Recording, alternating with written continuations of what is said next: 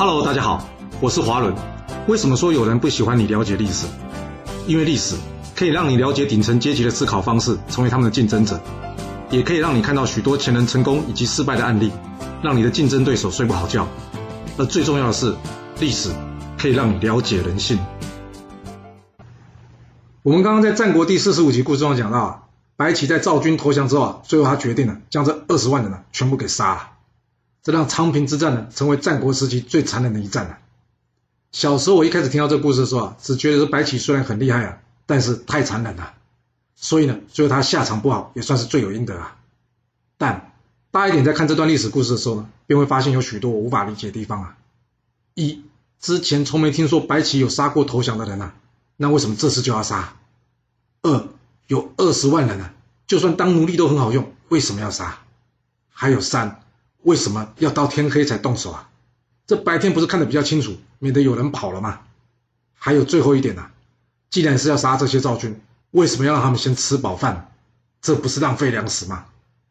很冲突，对不对？白起的许多决定似乎不符合逻辑啊。然而，在我年纪更大一点的时候呢，我看到一部叫做《银河英雄传说》小说之后啊，开始有点明白了。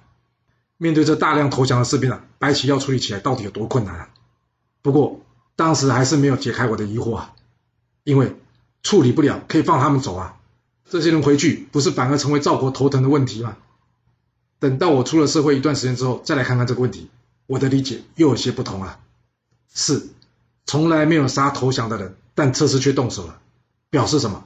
目的不同，手段自然也会有所改变啊。之前白起都是以重创对方有生战力为目标，所以。战场上尽量杀敌，也没打算要带多少俘虏回去。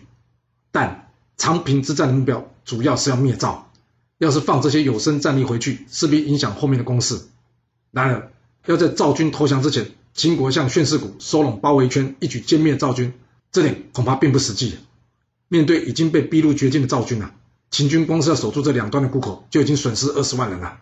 要是硬要往里冲，那秦军的损失应该会进一步的扩大。那更没想到的是啊，这一向硬骨的赵军呢，却在这时候投降了。这大量投降赵军，马上会影响秦军粮食消耗的速度。而秦国后面没有粮食运送过来，那白起除了杀降，剩下就是放回赵军，并且撤军了。但这将失去一举灭赵的机会啊！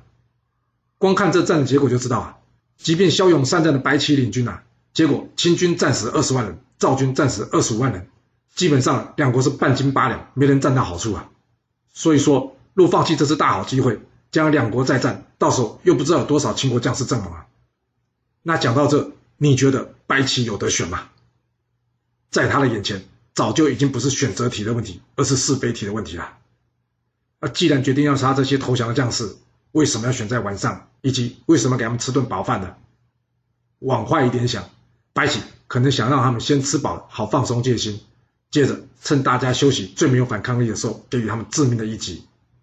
但我觉得比较有可能是，白起还是遵循了让对方吃饱了好上路的习俗，因为真的要对方没有反抗力啊，不给他们吃饭，当场动手就行了。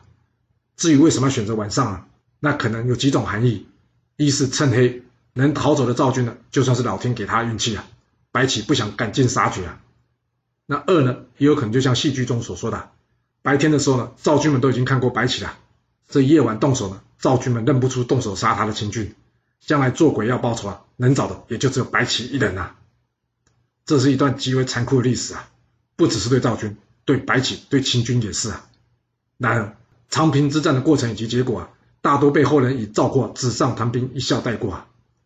面对战争的当下，早就不是谁对谁错的问题啊，而是会有多少家庭因此破碎，会有多少人无辜牺牲。大家应该要努力让自己的国家不要走入战火之中，因为战争。绝对不会有赢家，而和平也不会有输家，你说是吧？若是你有其他想法，也欢迎留言分享您的看法给大家哦。好了，我们今天就先说到这。若是你想要知道完整版的故事内容，欢迎您可以到说明栏中找到我爱故事频道的连结。